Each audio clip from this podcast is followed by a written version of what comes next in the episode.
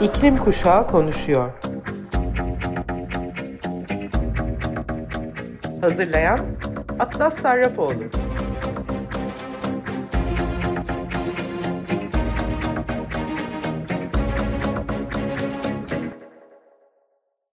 İklim Kuşağı Konuşuyor programına hepiniz hoş geldiniz. Ben Atlas Sarrafoğlu. Dünyanın sıcaklıklarla kavrulduğu, sellerle boğulduğu bir haftanın içinden size önemli olduğunu düşündüğüm haberlerle e, karşınızda olacağım önümüzdeki yarım saat boyunca. İlk haberimle başlamak istiyorum. Hafta başında yayınlanan yeni bir raporla başlıyoruz bugün programa. Rapor İngiltere'nin en büyük iki petrol şirketi Shell ve BP'nin hissedarlarının Paris İklim Anlaşması'nın imzalandığı 2015 yılından bu yana devasa kazanç artışı yaşadıklarını ortaya koyuyor. Corporate Watch sözcüsü 113 milyar sterlinlik ödeme yenilenebilir enerjiye harcansaydı eğer şimdiye kadar bir devrime tanıklık etmiştik diyor. İklim değişikliğinden dolayı ortalama sıcaklıklar artıyor, gıda fiyatları yükseliyor. Henüz yeni yayınlanan bir rapora göre ise BP ve Shell firmalarının hissedarlarının elde ettikleri nakit getiriler daha önce hiç görülmemiş düzeylere ulaştı. Raporu kaleme alanlar Standard and Poor's Capital IQ veri tabanını analiz ediyorlar ve İngiltere'de faaliyet yürüten başlıca petrol şirketlerinin hissedarlarına yapılan ödemelere yoğunlaşıyorlar. Rapora göre Paris İklim Anlaşması'nın Aralık 2015'te imzalanmasından bu yana BP ve Shell hissedarlarına toplam 131 milyar sterlinlik temettü ve hisse geri alım ücreti ödenmiş.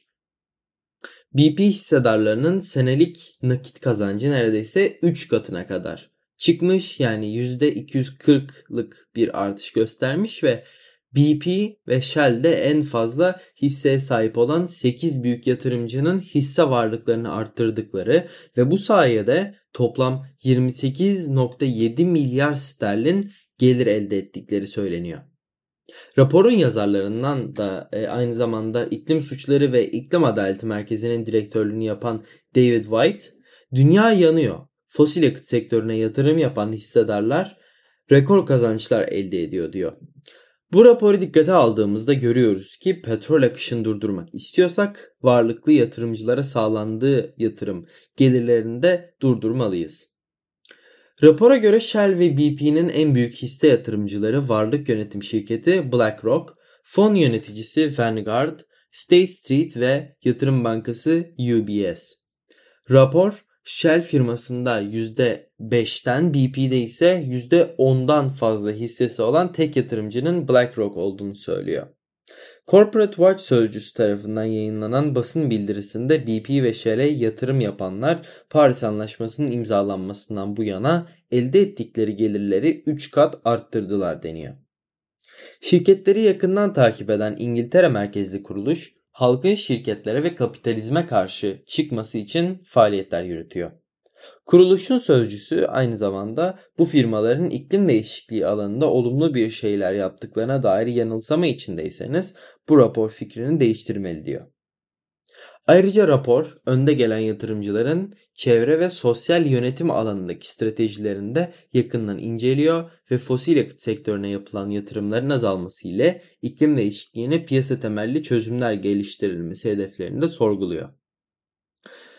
Bu rapordan bağımsız olarak ayrıca Shell ve BP ürettikleri yenilenebilir ve düşük karbonlu enerji miktarını yeşil aklamakla yeşil aklamayla suçlanan 12 petrol şirketi arasında yer alıyor. Greenpeace tarafından yapılan araştırma İngiliz fosil yakıt devlerinin yanı sıra diğer 10 Avrupalı şirketin 2022 yıllık raporlarını analiz etti. Dünya benzeri görülmemiş sıcak hava dalgalarına, ölümcül sellere ve artan fırtınalara katlanırken büyük petrol şirketleri yıkıcı iş modellerine tutunuyor ve iklim krizini körüklemeye devam ediyor.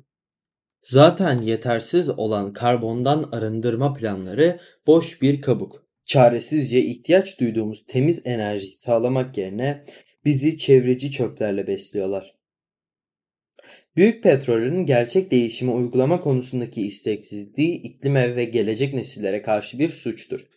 Hükümetlerin fosil yakıt şirketlerini etkinleştirmeyi bırakması, onları sıkı bir şekilde düzenlemesi ve fosil yakıtların aşamalı olarak ortadan kaldırılmasını şimdiden planlaması gerekiyor. Kendi başlarına asla değişmeyecekler. Hiç zamanımız kalmadı. Gençler ve çocuklar küresel iklim krizinin olumsuz sağlık sonuçlarından yetişkinlere oranla daha çok etkileniyor.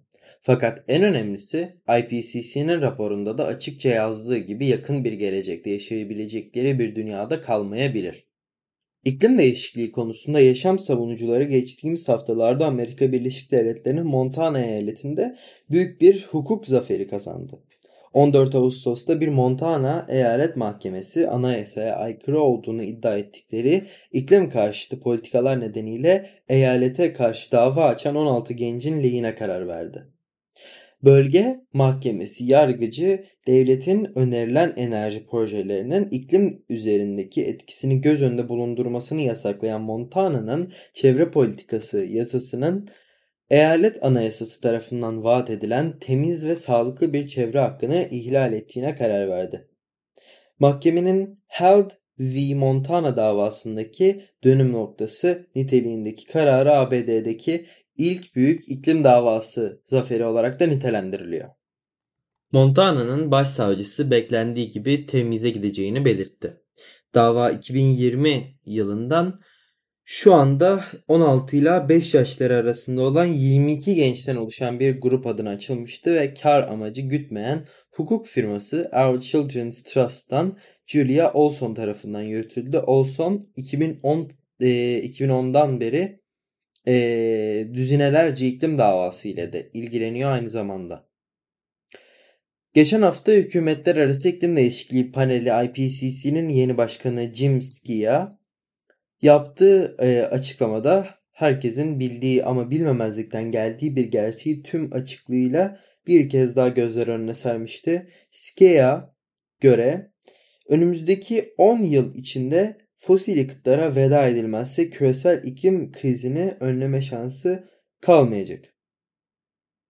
İçinde bulunduğumuz 10 yıl 2030'a kadar aksiyon dönemi. Eğer daha fazla petrol ve gaz rezervine yönelik planlar onaylanırsa bu durum gelecekte hükümetleri fosil yakıtların yerin altında bırakmak ve iklim hedeflerine ulaşmayı seçmek arasında keskin bir seçim yapmakla karşı karşıya bırakacak. Birkaç hafta önce de Birleşmiş Milletler Genel Sekreteri Antonio Guterres küresel iklim krizi çağının sona erip küresel kaynama çağının başladığını söylemiş ve eklemişti. Sıcaklık artışını sınırlamak ve iklim krizinin zararlı sonuçlarından kaçınmak için dünyaya acil önlem alınmalı. Dünya Sağlık Örgütü Genel Direktörü Dr. Tedros da 20 Ağustos'ta yaptığı açıklamada iklim değişikliğinin uzak bir tehdit olmadığını, yaşamları ve ekosistemleri etkilediğini belirtti. Montana'daki gençlerin kazandığı büyük hukuk zaferine dönecek olursak, davanın avukatı Olson'un da belirttiği gibi temiz ve sağlıklı bir çevre hakkı Montana anayasasında bizim anayasamızda da olduğu gibi açıkça ve yazılı bir şekilde mahkemenin bu davada söylediği şey bu gençler için var ve olan bir iklim hakkının olduğunun kabulüdür. Olson Nature'a yaptığı açıklamada şunları söylüyor. Bilim davalarımızın temelidir ve uzman tanıklığı yoluyla elimizden gelen en iyi bilimsel verileri mahkemeye sunduk. Birlikte çalıştığımız insanlar Montana'da davacılar adına ifade veren uzmanlar gibi çoğu daha önce mahkemede hiç ifade vermemişti. Şaşırtıcı olan şey bu dünyaca ünlü bilim adamlarının ayağa kalkması, kariyerlerinin büyük bir bölümünde yaptıkları işin hikayesini anlatmaları ve kendilerini çok onaylanmış hissetmeleriydi. Bir bilim insanı kürsüye çıkıp şöyle söyledi. Ben sadece bir bilim insanıyım. Kimse beni dinlemiyor. Birçok uzmanımızdan bilimi mahkemede yemin altında çapraz sorgu, çapraz sorgu altında sunabilmenin ve bunu da bu gençler için yapabilmenin çok güçlendirici bir deneyim olduğunu duyduk. Avukat Olson'a göre gençler için mevcut 1,5 derece hedefi de gerçekçi değil. 1,5 derecenin altında kalınsa da ısınma gençlere zarar verecek ve dünya çapında daha fazla insanın hakkını ihlal edecek. Artık hiç zamanımız kalmadı. Gençler ve çocuklar küresel iklim krizinin olumsuz sağlık sonuçlarından yetişkinlere oranla daha çok etkileniyor. Fakat en önemlisi IPCC'nin raporunda da açıkça yazdığı gibi yakın bir gelecekte yaşayabilecekleri bir dünyada kalmayabilir. O nedenle Montana davasında olduğu gibi tüm dünyada gençler bilimin ışığında, hukukun yolunda e, geleceklerine sahip çıkmalı. Belki de gelecek için son umut gençlerin yaşayabilecekleri dünya mücadelesine katılımları olacak. Ülkemizde de çevre davalarında son derece tecrübeli hukukçularımızın ne düşündüğünü öğrenmek için gelecek hafta e, bu konuyla ilgili avukatları konuk e, olarak almak istiyorum. Tabii iklim davalarını konuşurken ekokırım suçu ile ilgili gelişmelere de bakmadan olmaz çevreye büyük oranda ve uzun vadeli zarar vereceği bilinmesine rağmen yapılan tüm yasa dışı işlemlerin suç kapsamında değerlendirilmesi veya kısaca ekokırım yasası birçok ülkenin ardından şimdi de Meksika'nın e, meclisinde tartışılıyor. Yasa tasarısının meclisten geçmesi durumunda ekolojik yıkımdan suçlu bulunan kişilerin 15 yıl hapis cezası ve günlük 70 euro karşılığı para cezasına çarptırılabileceği gündemde yer alıyor. Çevresel tahribata yol açan hareketler birçok ülkede suç olarak tanınıyor olsa da anayasada çevre katliamı ekokırım başlığının yer alması bu durumun daha büyük bir suç olarak e, tanınmasına e, yol açacak. The Guardian'ın aktardığına göre meclis ekolojik yıkım için 2021 yılında yapılmış uluslararası bir panele katılan uzmanlar tarafından verilmiş tanımı kullanıyor. Stop Ecocide Foundation yani eko kırımı durduran e, vakıf e, SEF e, tarafından oluşturulan bu tanım esas olarak uluslararası ceza mahkemesinde uygulanması adına meydana getirilse de artık ulusal kanunlarda da kullanılabiliyor. Vietnam, Ukrayna ve Rusya'nın da içinde bulunduğu az sayıda ülke çevre katliamlarını anayasal bir suç olarak e, kapsıyor. Ukrayna Başsavcısı Andriy Kostin, Novokakhovka barajının yıkılmasının ardından bu konuda Rusya'nın bir ekokırım ihlali olup olmadığı hakkında incelemelerini sürdürüyor. Yasada kullanılan ifadeler tam olarak ekoloji savunucularının da umduğu gibi olmasa da Fransa ekokırımı 2021 yılında suç kapsamını alan ilk Avrupa Birliği üyesi oldu. Kanserojen maddeleri içeren test davasını şimdilik dava sürecinde olduğu da biliniyor. Benzer yasa tasarıları Hollanda'nın da aralarında bulunduğu diğer ülkelerde de sunuldu.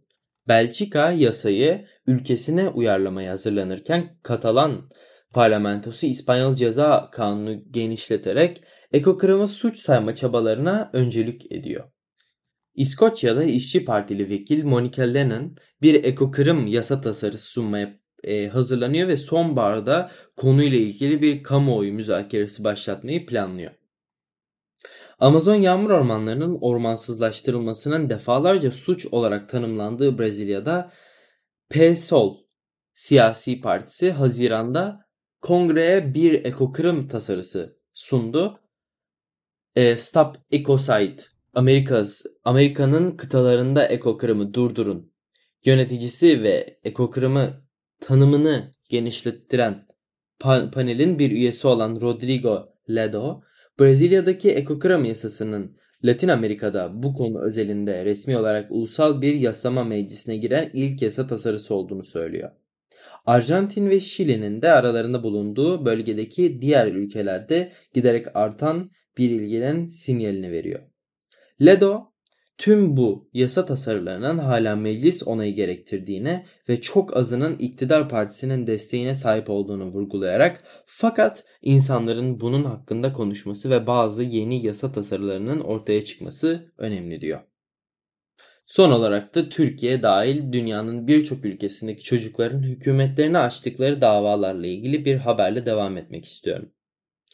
Birleşmiş Milletler gezegeni koruma mücadelesinin ön saflarında yer alan su çocukların iklim değişikliğiyle mücadelede elini güçlendirmek amacıyla önemli bir anlaşmayı güncelledi ve üye ülkelerin Birleşmiş Milletler Çocuk Hakları Sözleşmesi kapsamındaki yükümlülüklerine ilişkin kapsamlı bir yorum yayınladı. Portekiz'deki orman yangınlarından ABD'nin Montana eyaletindeki fosil yakıt projelerine kadar genç davacılar iklim değişikliği konusunda daha fazla hükümet eylemi talep eden sayıları giderek artan davalarla da başı çekiyor. Belgede Birleşmiş Milletler Çocuk Hakları Komitesi iklim krizi dahil olmak üzere çevresel bozulmayı çocuklara yönelik yapısal şiddetin bir türü olarak da adlandırıyor. Bunun yanı sıra devletin çocukların davayı kendilerinin başlatmasının önündeki engellerin kaldırılması da dahil olmak üzere çocukların adalete erişimine sağlanması gerektiği belirtiliyor.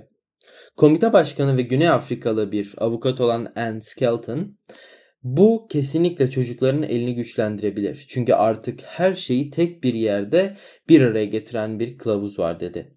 Ve iş dünyasının ve politika yapıcılarının da bu konuda işbirliği yapmalarını umduğunu ekledi. Kılavuzun 2 yıllık taslak hazırlama dönemi boyunca daha geniş bir diyaloğun parçası olarak yüzden fazla ülkede yaklaşık 16 bin çocuğa danışıldı.